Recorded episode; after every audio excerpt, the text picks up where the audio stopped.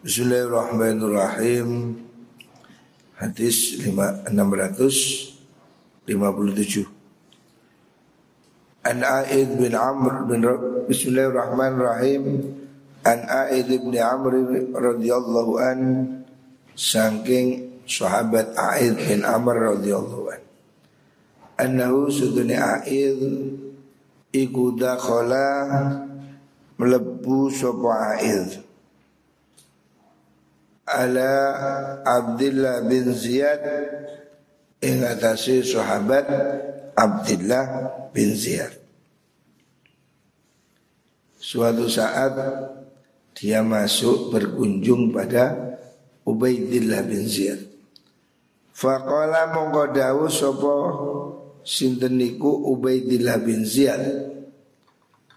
Dawu lahu maring Aiz bin Amru. Kemudian dia mengatakan Aiz bin Amru didawi oleh sahabat Ubaidillah bin Ziyad. Ai bunayya he ala ingsun. Ini sedene ingsun iku sami tunggu ingsun Ngurungu Rasulullah ing Rasulullah sallallahu alaihi wasallam. Yaqulu hale dawu sapa Kanjeng Nabi. Saya dengar Rasulullah bersabda Inna syarar ri'ai. Setuhune luweh olone Pemimpin Ri'a jamaknya ra'in ri'a pemimpin penguasa. Penguasa yang jelek. Penguasa yang buruk. Iku al hautamatu wong kang napa khutama wong kang kasar. Khutama itu bahasa sekarang itu diktator. Orang yang keras ya menggunakan kekerasan, kekejaman, zolim. Itu namanya khutoma. Khutoma itu orang yang ya menyakiti. Orang yang kalau bahasa sekarang ya diktator. Pemimpin yang terburuk itu pemimpin yang kasar, keras atau diktator, khutoma. Fa iyyaka mongko wediyo sira anda kuna ingin to ono siro iku minhum saking golongane hutoma.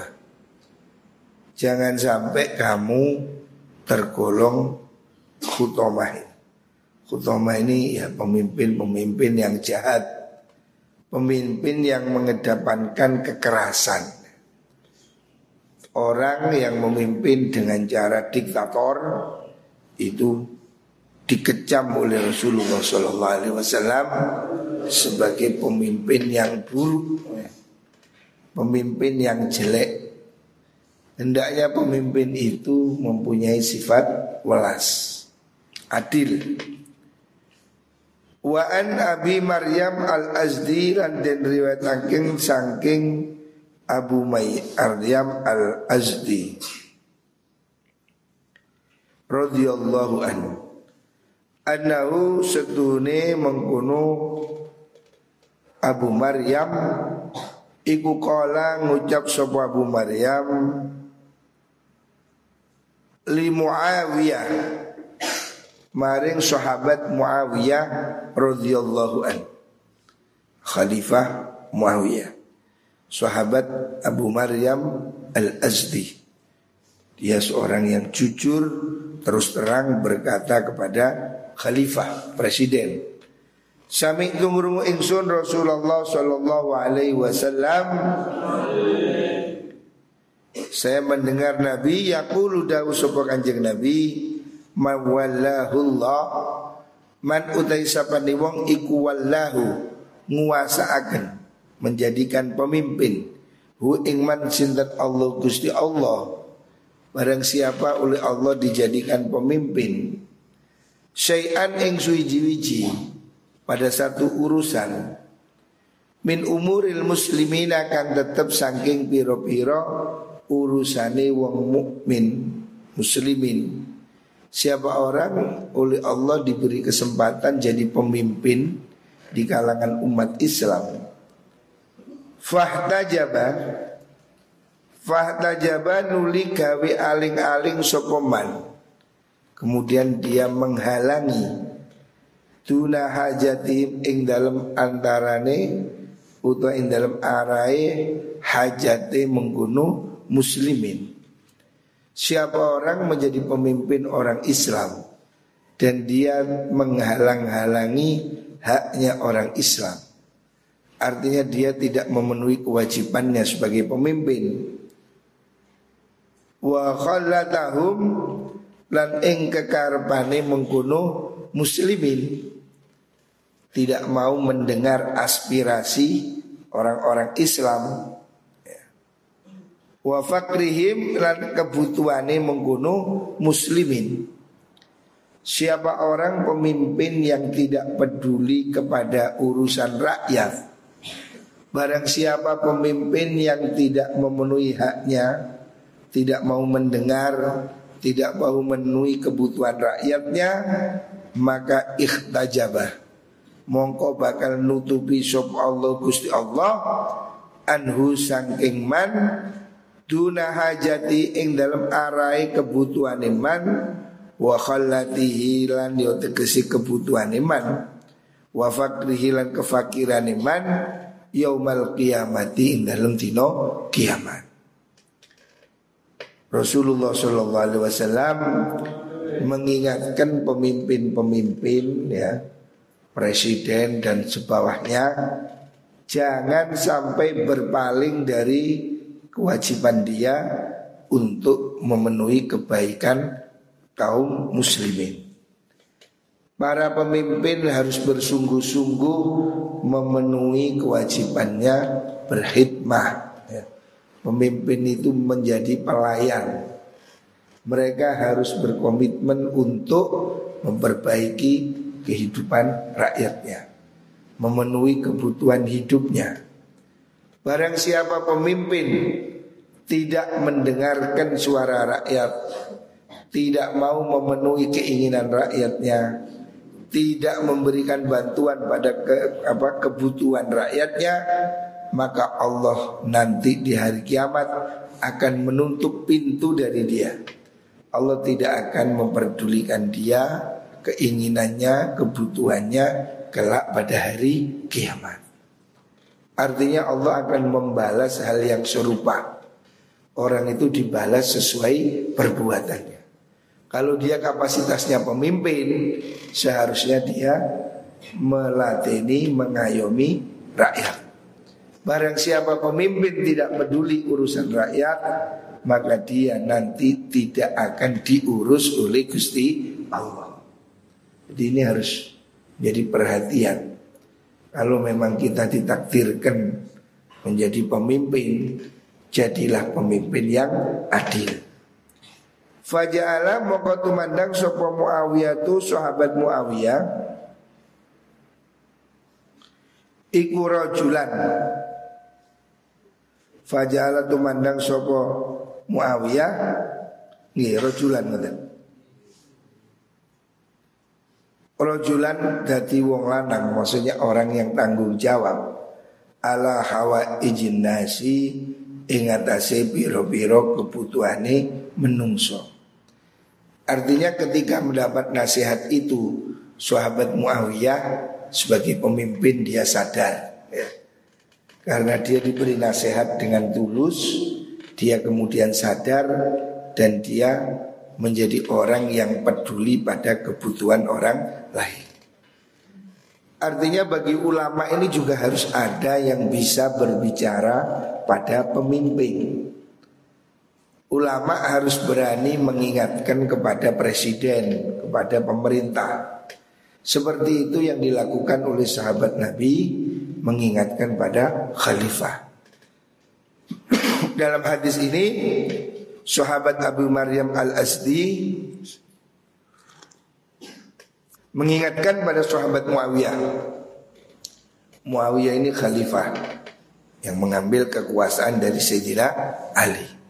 Dia diberi peringatan Barang siapa pemimpin yang tidak peduli pada rakyat Maka Allah tidak akan peduli pada dia di hari kiamat Mendengar nasihat itu Muawiyah nerima Sehingga Muawiyah kemudian menjadi orang yang peduli pada kebutuhan manusia Hadis surwahu Abu Dawud wa Tirmidzi. Eh.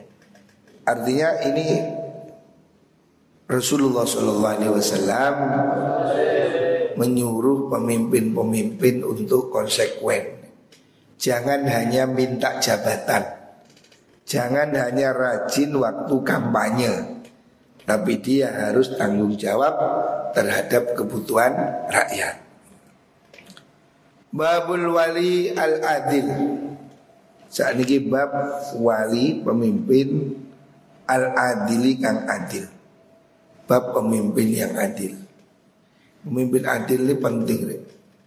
Kita ini tidak bisa hidup sendiri. Negara pasti butuh pemimpin. Pemimpin diperlukan sifat adil. Qala dawu Allah ta'ala Inna Allah ya'mur bil adli wal ihsan Inna Allah subhanahu Allah iku ya'muru perintah Allah Bil adli kelawan adil wal ihsani lan gawe bagus. Allah memerintahkan agar kita berbuat adil dan berbuat baik. Waqala ta'ala waqsitu innallaha yuhibbul muqsitin waqsitu lan gawe adil sira kabeh innallaha sedhen Allah yuhibbu demen sapa Allah al muqsitina ing pira-pira wong kang gawe adil. Allah menyukai orang-orang yang adil. Adil ini seimbang, tidak pilih kasih. Adil itu apa? Memandang hak kebenaran tidak pergi dari kebenaran. Itu adil. Wa Nabi Hurairah radhiyallahu anhu Nabi sallallahu alaihi wasallam qala dawu sapa kanjeng Nabi. Usah pengantuk. Kala dawu sapa Kanjeng Nabi sab'atun yudhilluhumullah fi dhillihi yauma la dhilla illa dhillu. Sab'atun tai wong pitu iku yudhilluhum ngeyup-ngeyupi. Hum ing sab'ah sapa Allah Gusti Allah fi dhillihi dalam yup-yupani Gusti Allah yauma la dhilla ing dalam dinane ora ana yup-yupan illa dhilluhu angin yup yupani Gusti Allah. Ada tujuh orang yang kelak akan dilindungi Allah di hari kiamat ketika tidak ada perlindungan selain perlindungan dari Gusti Allah. Ada tujuh golongan yang istimewa. Ya. Tujuh golongan ini diberi kelebihan fasilitas ketika orang-orang dalam panas Ketika manusia tenggelam dalam keringat Ada tujuh kelompok yang besok diselamatkan oleh Gusti Allah. Siapa itu? Yang pertama Al-Imamul Adil. Al-Imamu rupani imam Al-Adilu kang adil. Satu dan yang pertama itu pemimpin adil. Jadi pemimpin adil ini posisinya penting. Makanya dia menjadi golongan pertama yang besok diselamatkan Allah pada hari kiamat yang pertama adalah pemimpin yang adil. Sebab pemimpin adil ini bermanfaat untuk semua orang. Pemimpin yang adil akan membawa kebaikan pada semua manusia. Makanya pemimpin adil menjadi tokoh nomor satu. Siapa orang ditakdir jadi pemimpin level mana pun dia harus adil. Jangan pilih kasih. Tegakkan keadilan Maka dia akan jadi orang pertama Besok dilindungi oleh Gusti Allah. Yang kedua Wasyabun lan wong anom Pemuda. Nasya'a kang cukul sopa abad Fi ibadatillahi ta'ala Ing dalam ibadah maring Allah ta'ala Kelompok kedua ini anak muda yang tumbuh dalam ibadah. Insya Allah niki golongan ini santri-santri. Amin Allahumma amin. Kita kita ini mugo-mugo masuk sini. Ngaji sing tenanan uh ngantuk. Anak-anak muda yang tumbuh di pesantren, anak-anak yang sejak kecil ngaji, gak sempat keluyuran, gak sempat pacaran. Ini kita ini insya Allah termasuk. Amin Allahumma amin. Kita akan masuk kelompok yang besok dilindungi Allah pada hari kiamat. Ya kudusin temenan. Lewis niat mondok sojok keluyuran, bener. Kamu niat mondok misalnya niat beribadah. Jangan ngeluyur, jangan bolos. Terutama maghrib saya lihat jamaah maghrib kurang. Jamaah maghrib, jamaah isya. Supaya ini segera diperhatikan. Jangan keluyuran, terutama di waktu malam. Ya. Mondok sing tenanan, niat ngaji. Warajulun nan wong lanang kolbuhu kang utawi atine rojul iku muallakun dan gantungaken fil masajidi ing dalam piro-piro masjid.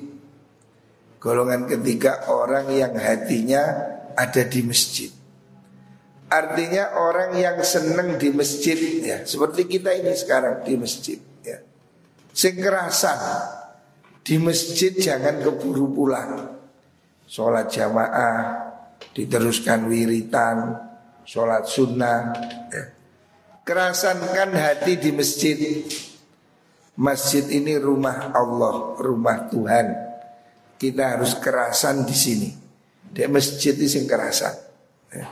Siapa orang hatinya ada di masjid, maksudnya senang jamaah, senang ngaji, kerasan di masjid, hatinya kecantol di masjid. Artinya kepingin selalu balik pergi ke masjid. Ini orang yang istimewa. Maksudnya apa? Artinya kecantol masjid. Kepingin terus balik jamaah zuhur mulai balik mana asar. Jamaah lima waktu di masjid. Berarti hatinya memang kecandol di masjid. Selalu kangen ke masjid. Minimal dalam waktu sholat lima waktu. Lima kali. Ya.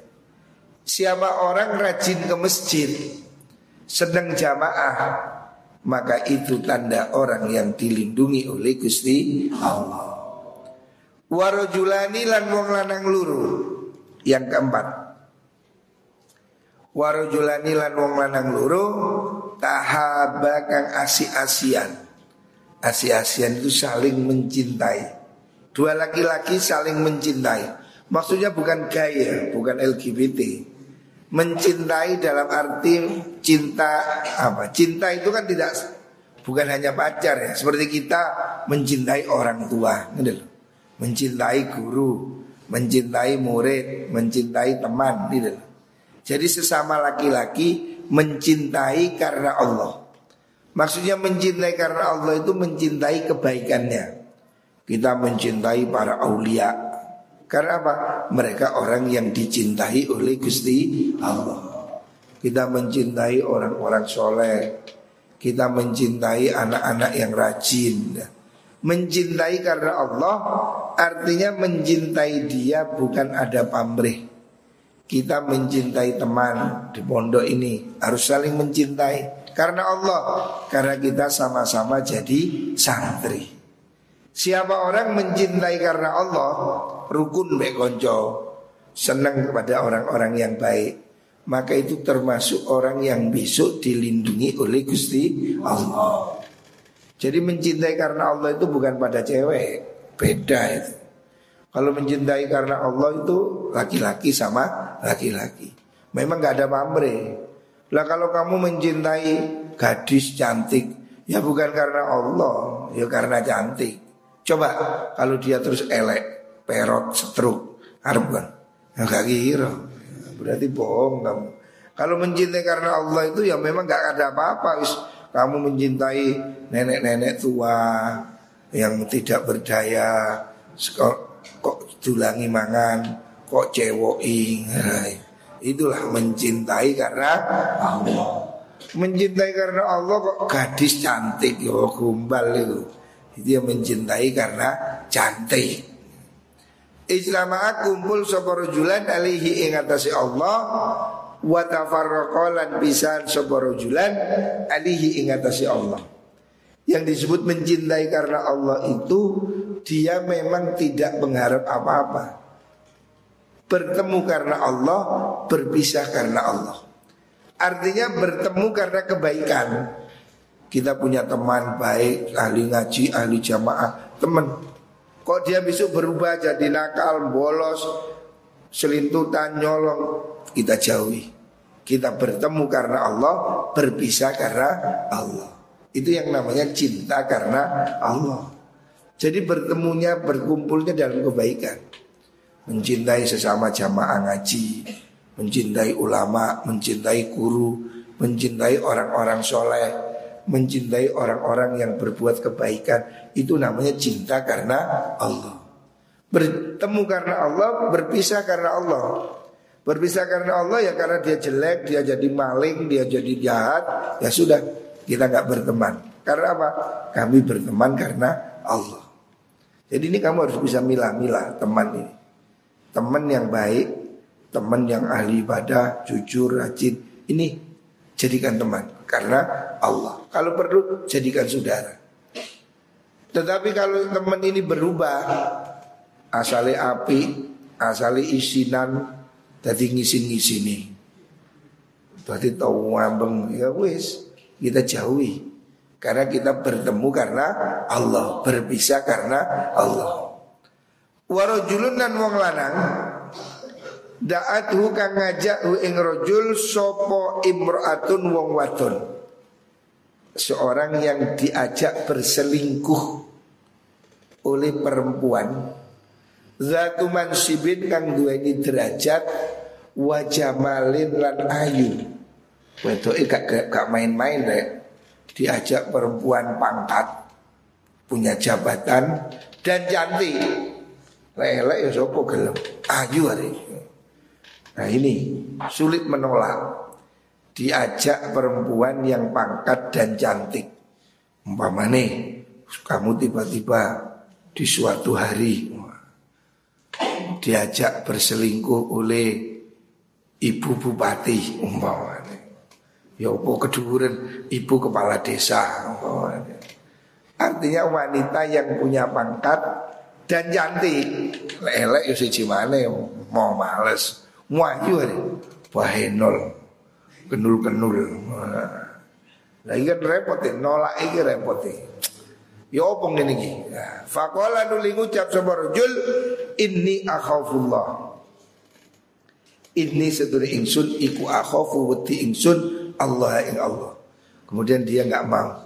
Sorry, saya takut pada Allah. Wah, iki jadi kamu harus berani tegas mengatakan tidak. Ayo mas, mau gratis, mau ojo gratis, ya wis ojo. Walaupun gratis, no. Katakan tidak kepada perzinaan. Maksudnya menjauhi zina. Hari ini kita ini sudah darurat zina. Kendindi arek pergaulan wis gak karu-karuan. Bahkan sekarang ini anak SD, anak SMP sudah sudah menunggu Ini berbahaya sekali. Perzinaan ini berbahaya. Itu merusak masa depan. Dia dan dosa dan itu merusak tatanan masyarakat. Perzinaan ini berbahaya. Makanya laki-laki harus hati-hati. Ya corone hati-hati didohno.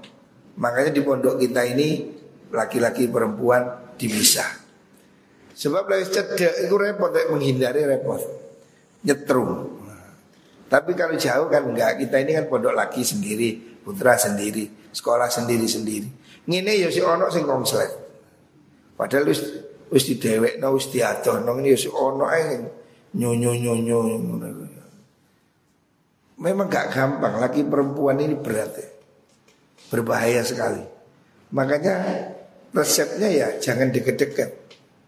Nah kita ini sudah berusaha begitu.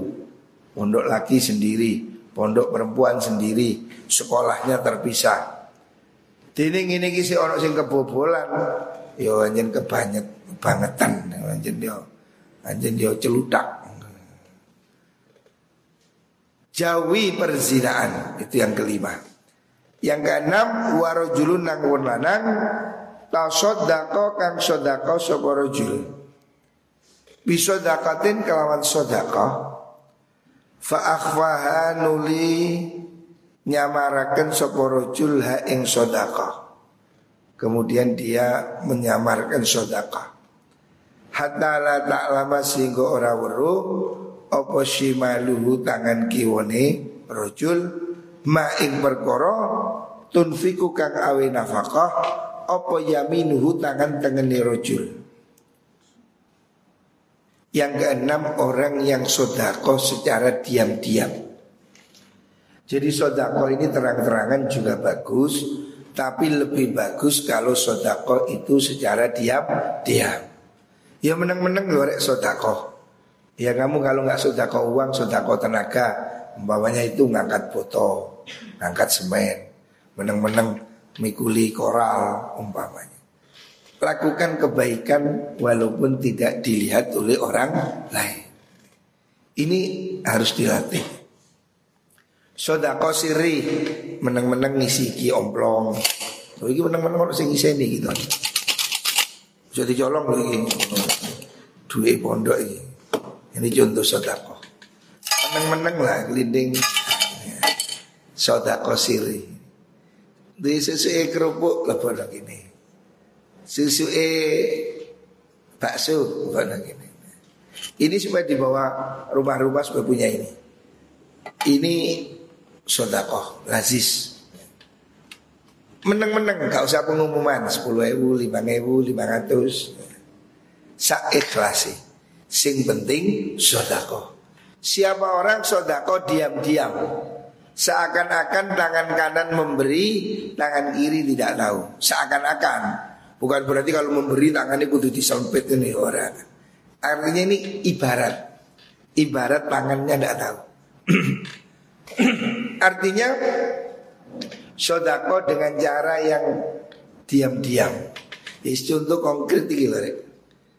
Omplong ini masih banyak. Masih banyak nih. Fari mana Fari?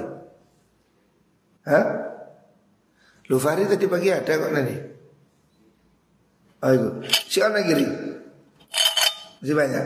Ini sudah disebarkan wali murid wali murid jamaah ngaji silahkan. Taruh di rumah, taruh di dapur. Habis belanja kasih seribu lima ratus diniati sodakoh. Muko-muko anakku jadi pinter. Muko-muko rezeki lancar. Niat tono pasti Gusti Allah tahu kok. Gusti Allah tahu apa yang kita lakukan. Ya, sodakoh walaupun tidak tampak dilihat oleh Gusti Allah. Warajulun nan wong lanang zakara kang nyebut zikir sapa Allah ing Allah khalian ing dalam persepen. Yang ketujuh laki-laki ya perempuan sama. Orang yang berzikir dalam sepi. Maksudnya apa? Zikir dalam sepi ini ku tahajud nih loh usahakan kita ini ya latih diri malam hari bangun. Makanya tidurnya lebih awal. Usahakan jam 10 tidur. Saya sendiri jam 10 tidur, jam 11 tidur. Pokoknya malam segera tidur. Supaya kita bangun pasang alarm. Ada alarm pasang alarm jam setengah 4 atau jam 3 bangun. Dalam sepi bangun wudhu tahajud. Setelah tahajud apa? Beristighfar. Ya, istighfar, astagfirullahaladzim, astagfirullahaladzim. Mohon ampun. Siapa orang yang kemudian dalam sepi tahajud menangis Fafadot khaliat in dalam persepen Fafadot nulimi liluh mengalir air mata Opo ainahu meripat luruni rojul Orang yang beribadah dan menangis dalam sepi jadi usahakan kita ini berusaha nangis. Kita ini setiap hari sudah tertawa. Di mana-mana tertawa. Berilah waktu untuk menangis ya. Zikir, menangis Ya Allah dosa saya. Ya Allah kesalahan saya. Ya Allah ini apa yang kita Dosa-dosa ini introspeksi. Kenakalan-kenakalan Kesombongan Kejahatan. Minta ampun pada Allah. Menangislah ya. Menangis siapa orang menangis karena Allah Dia tidak akan masuk neraka. Hendaknya kita ini mengintrospeksi Berzikir dan menangis. Gunakan waktu untuk berzikir. Walaupun itu cuma 10 menit, 15 menit. Kita ini perlu waktu untuk diem, menang, zikir. Sepi, sunyi ya. Supaya kita ini memperbaiki apa? Dandani emosi dandani mental kita itu juga guyonan terus kita harus ada waktu untuk zikir diam berdoa ya beristighfar. Ini kepenting ya, untuk keseimbangan. Kita ini harus melatih. Jangan terus gulinan guyonan terus. Kita ini perlu waktu untuk introspeksi untuk zikir diam merenung. Ya Allah mondok sudah berapa tahun? Pikiran awakmu mondok sudah berapa tahun biayanya berapa? Ilmu yang didapat apa? Kamu harus merenung saya harus berubah. Saya harus baik. Lihat ingat ibumu bapakmu. Susah cari uang. Kalau kamu seneng-seneng kasihan orang tuamu. Berpikirlah ya. Supaya kamu bisa memperbaiki diri. Terus beristighfar. Wabil asharihum yastaghfiru. Orang-orang mukmin itu beristighfar di waktu sahur. Usahakan malam hari bisa bangun. Ini niatkan. Salah satu hal untuk memudahkan siang hari tidur. Habis duhur kamu tidur. Ya. Jangan keluyuran. Habis duhur ngaji tidur. Tidur siang itu bisa menolong kamu bangun di waktu malam. Makanya pada zuhur cok dindi. Mari zuhur kan ngaji. Masih ngaji ya? Milal ngaji zuhur tertib. Tertibkan. Habis ngaji zuhur tidur. Seturuh. Setengah jam, satu jam tidur. Tidur siang itu baik ya. Untuk menguatkan kamu bangun di malam hari. Jadi usahakan siang itu tidur. Dilu-dilu tidur. Pengi bisa melek ya. Muka-muka kita termasuk tujuh golongan yang dilindungi oleh Gusti Allah. Kita ini ingin selamat dunia akhirat. Muka-muka oleh ilmu sing manfaat. Amin Allahumma amin.